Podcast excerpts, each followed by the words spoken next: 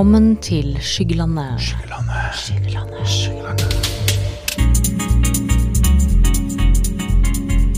Jeg er Katarina, en helt vanlig dame i slutten av 30-årene som utforsker skyggelandet. Og i dag skal vi fortsette litt fra sist. Når vi var på konferansen, så snakka jeg med en dame som har en litt annen inngang til dette med seksualitet og kink enn de aller fleste av oss. Jeg håper dere syns det er like spennende som det jeg gjorde, for dette syns jeg var eh, både nytt og interessant. Jeg er en dame på 36 og har eh, vært aktiv i gink-miljøet siden jeg var 16. Oi, det er ganske mange år. Ja. Så både mest i Oslo, litt i Bergen. Ja. Og nå er jo vi her fordi det er landsdekkende, og det er jo gøy, for da treffer man jo folk fra hele landet. Ja. Um, ja, så jeg er jo litt erfaren etter hvert. Ja, Du begynner jo å fått på noen år på baken med dette her, og du har vært på konferansen før, så det er ikke første gangen. Nei, jeg har vært her eh, egentlig siden vi startet. Det har jo vært litt forskjellige steder eh, opp gjennom årene, men eh, det er jo ekstra gøy når det er i Oslo, syns jeg, for da er det eh, gode lokaler og masse folk som kan komme fra ulike deler av landet. og eh, litt bedre tilgjengelig f.eks. enn enn eh, det har vært eh, andre steder. da. Ja, for det er ganske mange her, og, og vil du si at det er flere nå enn det har vært, eller er det ca. like mange? Det har jo vært pandemi, og, og Fransen har jo måttet ja. holdt opp et år. Ja, nå kom jeg akkurat, så jeg har ikke, jeg har ikke fått med meg eh, egentlig helt eh, hvor mange som er i år. Men jeg regner jo med at kanskje folk er veldig på vei til å Altså at- at det er veldig mange som har lyst til å komme i år fordi at man har vært litt på, på vent under pandemien. Ja, det har vi. Hva er det du tenker, eller hva, har du, du, hva syns du er det fineste med, med konferansen? Hva får du mest ut av? Eh, egentlig Jeg er jo veldig faglig interessert, så jeg er glad i både, både foredragene og eh, liker at de har f.eks. en praktisk bolk og en akademisk bolk. Så man kan få både faglig input og kanskje ny kunnskap eller nye, nye ferdigheter underveis. Og så er det selvfølgelig kjempegøy med storfesten på kvelden. Det er jo et høydepunkt, selvfølgelig. Ja. Og den gleder jeg meg til, for jeg har hørt om. Jeg, har aldri, jeg har ikke vært på konkurransen, så jeg gleder meg så innmari. Og så er jeg litt nervøs, for jeg har aldri vært der. Nei. Du har vært på storfesten før. Jeg har vært på fest mye. Kan ikke du fortelle hva er det som foregår på kvelden der? Nei, hva foregår? Folk tar på seg sine flotteste kinky antrekk og, eh, og rett og slett bare treffes og prater og eh, driver med BDSM f.eks. Noen gjør det, noen gjør det ikke. Eh, man har masse muligheter til å utfolde seg, i hvert fall som man kanskje ikke har hjemme i stuen. Noen har jo det, noen ikke alle. Eh, så det er litt sånn eh, mye aktivitet og mye sosialt. Så Ja. det er jo kjekt. Ja. Du har en litt annen inngang, eller kanskje ikke inngang, men du er her eh, og har en eh, litt annen forutsetning. Ja, jeg kan si litt. Jeg har en fysisk funksjonshemming som gjør at jeg eh, sitter i rullestol. Eh, det betyr at jeg har litt nedsatt styrke i kroppen, f.eks. Litt dårlig balanse. Kan ikke gjøre alt kanskje på samme måten som alle gjør. Men jeg opplever jo at, eh, at eh, man får ting til så lenge man ser noen løsninger og er litt innstilt på at eh, her skal vi faktisk finne på noe gøy sammen. Eh, og jeg, jeg har egentlig aldri følt meg begrenset av det. Eh, og jeg har opplevd at folk jeg har møtt heller ikke føler seg begrenset av det. Kanskje fordi at jeg er veldig åpen på eh, hva som går an, hva som ikke går an. Opptatt av at vi skal få til mest mulig som er gøy for alle parter, selvfølgelig. Eller begge parter, eller alle parter, eller hvor mange man er. Eh, og så tenker jeg at eh, det handler mye om innstilling, altså. For du har, du har sittet i rullestol hele livet, eller har du, er det noe som skjedde eh, gradvis? Nei, det, det har jeg gjort hele livet. Ja. Så det er på en måte For meg er jo ikke det noe tema, egentlig. Nei, det er din normal. Ja. Ja. Men hvordan opplever du at du blir møtt sånn i forhold til seksualitet? Eh, møter du noen stigmaer? Er det, eller er det, her, altså, er det helt uproblematisk? Jeg møter ganske mye stigma, sånn i hvert fall i Altså sånn generelt så vet jeg i hvert fall at jeg opplever at folk ikke i utgangspunktet tenker på meg som, som et seksuelt vesen, egentlig. Nei. Eh, ute på byen f.eks. Folk tror at eh, det er ikke vits å sjekke meg opp. For det at hvis man, hvis man blir sammen med en i rullestol, så blir man bare en pleie, pleiemedhjelper, liksom. Men Ja, eh, for det er det folk tenker. ja, det tror jeg faktisk. Ja, ja. ja for du sier ikke direkte til deg hva du tenker. Nei, men, men jeg opplever at det kanskje er vanskelig å spørre. Eh, alle spørsmålene kommer gjerne når folk har fått litt alkohol. Da spør de gjerne kan du ha sex i det hele tatt. Eh, for det, det tror man kanskje ikke. Nei. Og det stemmer jo overhodet ikke.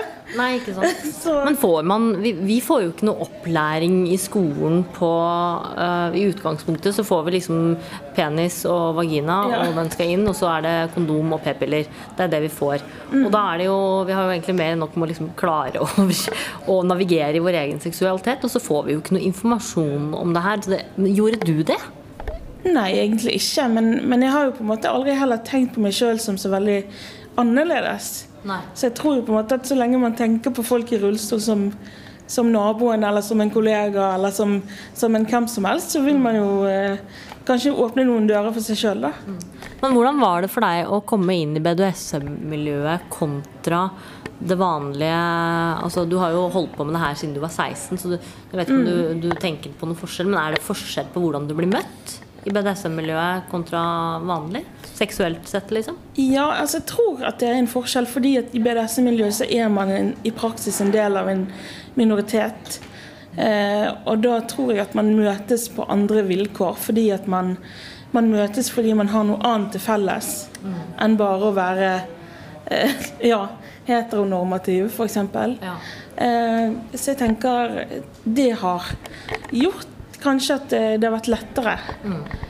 for jeg har aldri opplevd noe eh, problem, og egentlig nesten ikke et spørsmål engang. Jeg har bare opplevd masse åpenhet. Eh, folk som er nysgjerrige på hvem jeg er. Eh, og ikke nysgjerrig på funksjonshemmingen f.eks. Jeg har aldri opplevd at en kontakt har begynt med sånn Hva er det som feiler deg, da? Eller noe sånt. Det begynner heller med hva er dine interesser innenfor BDSM? Hva er det du, hva er det, hva er det du tenner på? Eh, hvordan kan jeg eh, få til noe gøy med deg? Sant? Så det, er en, det, er annen, det er en annen åpenhet, rett og slett, opplever jeg. da. Ja. Så det er litt mer kommunikasjon, kanskje, da? Og vi er jo generelt opptatt av kommunikasjon i BDSM-miljøet. Så det er jo det handler mye om å på en måte bli kjent med hverandre fra bunnen av før man på en måte går inn i noe som kan være krevende både fysisk og Altså Du må rett og slett bli kjent med både kroppen og det som ligger mellom ørene til partneren din før du i det hele tatt begynner med BDSM, tenker jeg. Og da begynner man kanskje med et annet utgangspunkt enn enn, eh, Å nei, dette var vanskelig. Ja, klart. Nå har jeg jo flere spørsmål som dukker opp i hodet mitt samtidig. Så jeg prøver å sortere litt her. Men det første jeg tenker, er liksom eh, ha- Har du hatt vanlige heteronormative forhold, og opplever du at det er forskjell på kommunikasjonsmetodikken eller metoden, måten man snakker sammen, måten man har en seksuell relasjon på i et vanlig forhold og i et BDSM-forhold? Kan jeg si det på den måten? Ja, jeg opplever vel egentlig at ofte så begynner vi i BDSM-sammenheng litt i andre enden. Vi begynner med veldig direkte spørsmål Ja. knyttet til seksualiteten. Eh, og knyttet til på en måte preferanser. Eh, mye, mye før man kanskje snakker om eh, andre ting. Ja. og der er, det jo litt omvendt gjerne i et eh, hermetegn vanlig forhold. Sant? Der man begynner med å snakke om eh, hva skal vi spise til middag i dag, eller, eller, eller skal vi gå en tur på kino? Sant? Mens her er vi kanskje i en sammenheng der vi i utgangspunktet kan spørre om preferanser eller legning, eller hva er ditt utgangspunkt innenfor BDSM? Nei. Men du har starta med det her når du var 16. Hvordan, hvordan kom du inn i det miljøet? Og det er jo en alder hvor man liksom begynner å leke litt og, og virkelig prøve sin seksualitet. Det, var det tenningsmønstre, eller var det noe annet? Hva var det som gjorde at du tenkte, eller kom, kom inn i den retningen? Da? Det var vel egentlig at jeg følte at eh, jeg hadde vært i et par forhold til, til gutter, og følte at det var noe som manglet for min del. Eh, ikke fordi det var noe feil i forholdene, eller noe sånt, men det var rett og slett noe som manglet.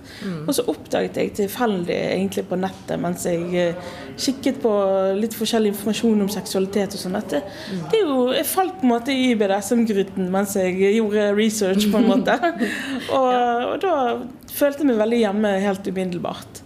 Det var litt sånn følelsen av at det var en puslespillbit som falt på plass for min del. Ja, ikke sant? Eh, og da, da oppsøkte jeg rett og slett eh, miljøet på nettet først. Og så, så fikk jeg noen kontakter med noen folk som jeg ble venner med, og så begynte vi å gå på fest. Eh, men det er på en måte den eh, kjemien med partneren og den intensiteten man opplever fordi man kjenner hverandre så godt som man gjør, og måten, man på en, måte, måten en dominant eh, person kan, kan leke med på en måte tankene mine og, og den situasjonen vi har fordi at man kjenner hverandre så godt. Det er jo det som gjør at det blir helt unikt, tenker jeg da. Hvis vi bare skal, hvis vi skal gå ut av BDSM-sfæren litt da, og bare gå inn i, i dette her med seksualitet eh, Fordi du har jo et handikap, og du sitter i rullestol. Men har du noen gang på en måte fått noen opplysning fra helsepersonell eller fra familie eller fra, fra noen egentlig om hvordan du skal håndtere dette her med seksualitet og det å møte andre? Nei, jeg har vel egentlig aldri fått noe informasjon, men jeg har jo følt at jeg har håndtert det greit sjøl. Så jeg har jo heller ikke på en måte oppsøkt noe spesiell informasjon. Nei. Eh, fordi at det har vært såpass naturlig for meg eh, personlig. Mm. Men jeg har jo fått en helt standard seksualundervisning som alle får. Ja. Eh, Og det er jo bare Det handler om menstruasjon, og det handler om eh, Og det handler om, eh, om hår på tissen og disse tingene som i hvert fall når jeg var si, på den alderen. Så var det bare det det handlet om. Skamme meg Ja. av å si at det er dette her det handler om. Ja, det det, er, enda, de det gjør det helt enda. Jeg har tenkt på det lenge òg, at, at BDSM inn i seksualundervisningen, Ja. det hadde vært topp. Ja. Fordi at jeg visste ikke hvem jeg var på den tiden. Nei. Jeg hadde hatt det mye enklere med å komme inn i et miljø Mm. der jeg var meg sjøl, hvis jeg hadde visst at det var noe som i det hele tatt fantes. Ja. Altså, eh, og det, det fins jo ikke i undervisningen.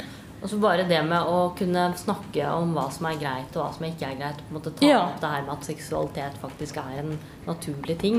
Ja, og Men, at alle eh, har forskjellige grenser, og alle har forskjellige eh, måter å gjøre ting på ut ifra sin kropp. sant? Eh, noen har vondt i ryggen. Mm. Noen har en eh, holdt si, skeiv fot. sant? Mm. Og noen har en hel kropp som de må ta hensyn til.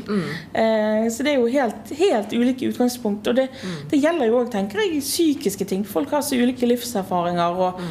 utgangspunkt at, eh, at det burde være på en måte en naturlig ting å starte med den kommunikasjonen som vi kanskje er gode på i, i BDSM-sammenheng. da.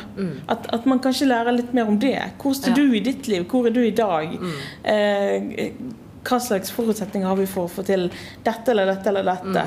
Rett og slett ta den kommunikative biten som BDSM er gode på, eller BDSM-ere er gode på, og putte det inn i skole til vanlig seksualundervisning. Ja. Og selv om man kanskje. Noen opplever jo det som litt sånn usexy at man skal, man skal kommunisere så veldig. sant? Mm.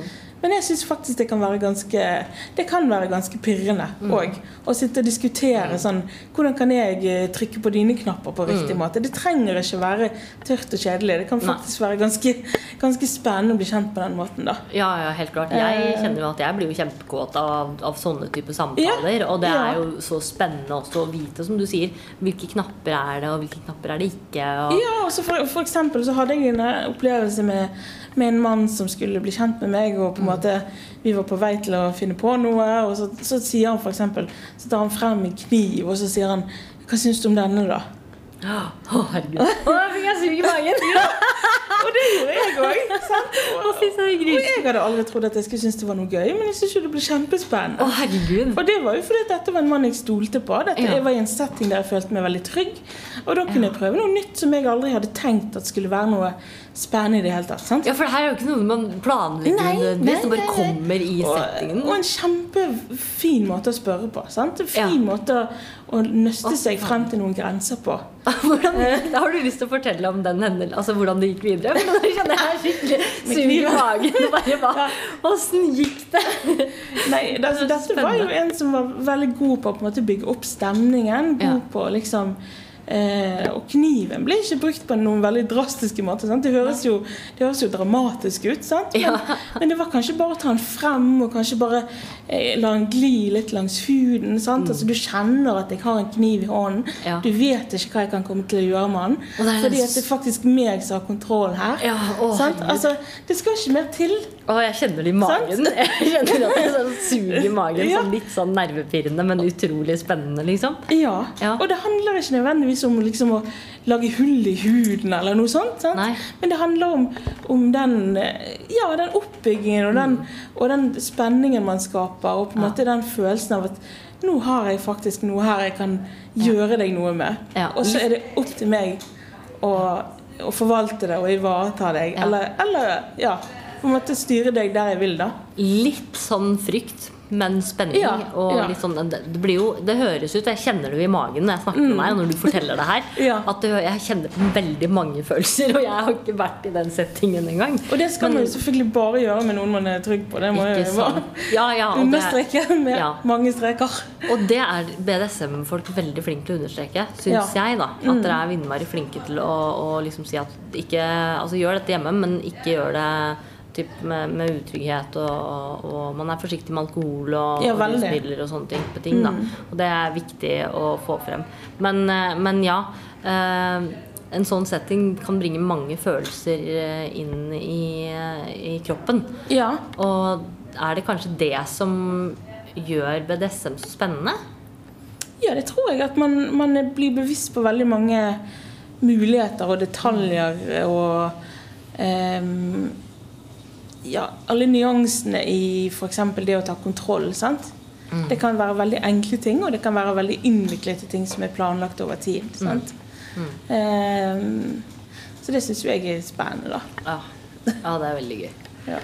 um, hvis jeg kan spørre, hva er det Altså Nå er det jo du så utrolig åpen og lett å snakke med, så det er ikke sikkert at du opplever det samme. Men, men hva er kanskje det mest eh, største utfordringen og mest stigmatiserende Eller problemet rundt stigma som du møter, da? I, rundt dette her med seksualitet, og kanskje også BDSM? Jeg tror at folk tenker at det er mer komplisert enn det er. Eh, og jeg tror at folk tenker at, at jeg på en måte er kanskje noe annet enn enn en de har lyst til å sjekke opp. Jeg vet ikke. Men eh, jeg tror folk tror det blir veldig komplisert, og, og jeg tror at eh, det ligger mye fordommer i på en måte strukturene våre i samfunnet som gjør at folk i utgangspunktet ikke ser på meg som en potensiell partner. Eh, og det handler om eh, at kanskje at funksjonshemmede blir sett på som eh, på en måte i utgangspunktet syke, f.eks. Jeg er ikke syk før jeg må til legen. Nei. Med, sant? Ikke du heller. Nei. Nei. Eh, så det er liksom, jeg tror det er noen barrierer der som, som ikke hadde trengt å være der. Eh, og så, ja, Det kan jo være hva som helst. altså Jeg blir jo gjerne sett på som eh, psykisk utviklingshemmet, eller folk tror kanskje at jeg ikke er helt uh, plassert, for å si det sånn. Eh, det kan være hva som helst, egentlig. Eh, så det er mer den der at man må på en måte komme til det punktet der man faktisk blir kjent. Eh, og da må folk faktisk tørre å bli kjent med meg og tro at jeg er noe annet enn bare en pasient eller en Ja, eller noe som ikke er eh, verdt å satse på, da. Er folk redde for å spørre deg og snakke med deg om dette her med seksualitet, eller bare å, å, å komme Altså det å nærme seg et menneske med handikap, opplever du at vi har ord nok, eller at vi vet, at vi vet hvordan vi skal snakke med, med deg? Eh, ja, altså, nå har jo jeg på en måte vært aktiv lenge i et miljø der folk er veldig åpne. Så jeg har jo kanskje et annet utgangspunkt enn mange andre. Eh, men sånn generelt sett i helsevesenet f.eks., eller eh, bare ute på byen når man møter noen, eller når man treffer et nytt menneske, så er det jo Nei, det er ikke så mange spørsmål, altså. Jeg tror ikke folk kommer inn på det i det hele tatt. Eh, hvis de kan unngå det. Ja. Eh, Det er litt pinlig, rett og slett? ja, jeg tror det er pinlig, og jeg tror det føles litt sånn uaktuelt. Eller irrelevant, på en måte. Er vi redd for å krenke deg? Mange er redd for å krenke meg, tror jeg. Det, og nå er det jo så mye krenkefrykt der ute at jeg håper ikke det blir noe verre. Men Nei, og du er ikke lettkrenka. nei, det er jeg absolutt ikke. Men jeg må jo si når jeg traff deg i dag, for jeg møtte deg i dag, mm. og umiddelbart eh, ble litt forelska i deg som vesen. Men det første jeg sa til deg, det var jo at nå skal jeg tråkke rett i salaten. Fordi jeg vet jo ikke hvordan jeg skal snakke med en Jeg har aldri gjort det her før. Jeg har aldri nærma meg en, en person med en handikap og Nei. spurt hvordan er ditt seksualliv. Fordi jeg vet jo ikke.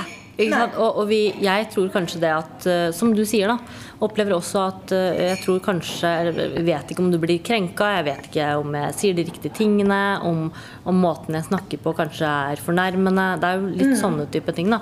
Hvis Ja. du skal gi hvis du, hvis du skulle kunne ønske deg at det norske folket gjorde en ting annerledes i møte med, med deg og ditt handikap, hva ville det vært? Eller Jeg flere ville ting? ville kanskje sagt eh, hopp i det. Ja. Og på en måte spør av Altså spør når det trengs å spørre. Ja. Og ikke være redd for å krenke, for jeg tror at folk, folk i rullestol vet at alle ikke vet alt. Eh, og eh, jeg tror det handler om at så lenge man møtes med en helt normal mellommenneskelig respekt i en, i en dialog, så er det helt ok å, å både svare på spørsmål og, og si nei, vet du hva, det har jeg ikke lyst til å fortelle om. Sant? Det er jo ikke, er ikke alt man vil snakke med alle om. Nei, nei. Men, eh, men sånn helt Ja. Jeg tenker hopp i det og spør. Det er det enkleste man kan gjøre. Og så får man et svar, selvfølgelig. Eh, altså jeg kunne snakke med deg kjempelenge, for du har så gode tanker om dette her. Og det er så gjennomtenkt, og du, og du er så åpen, og det syns jeg er deilig. Og så tenker jeg at eh, kanskje vi bare skal anbefale det norske folk å hoppe i salaten. Takk i vei. Tråkk i vei. Ja. Kjempefint. Tusen hjertelig takk. Du er deg, og at du tør å være åpen og, og være så tøff og modig, for vi trenger flere sånne. Takk. Velkommen til Kinkologens hjørne. Det er Regina Aries her, og jeg kommer til å være her hver episode av Skyggeland med en liten snutt om kink og BDSM og fetisj.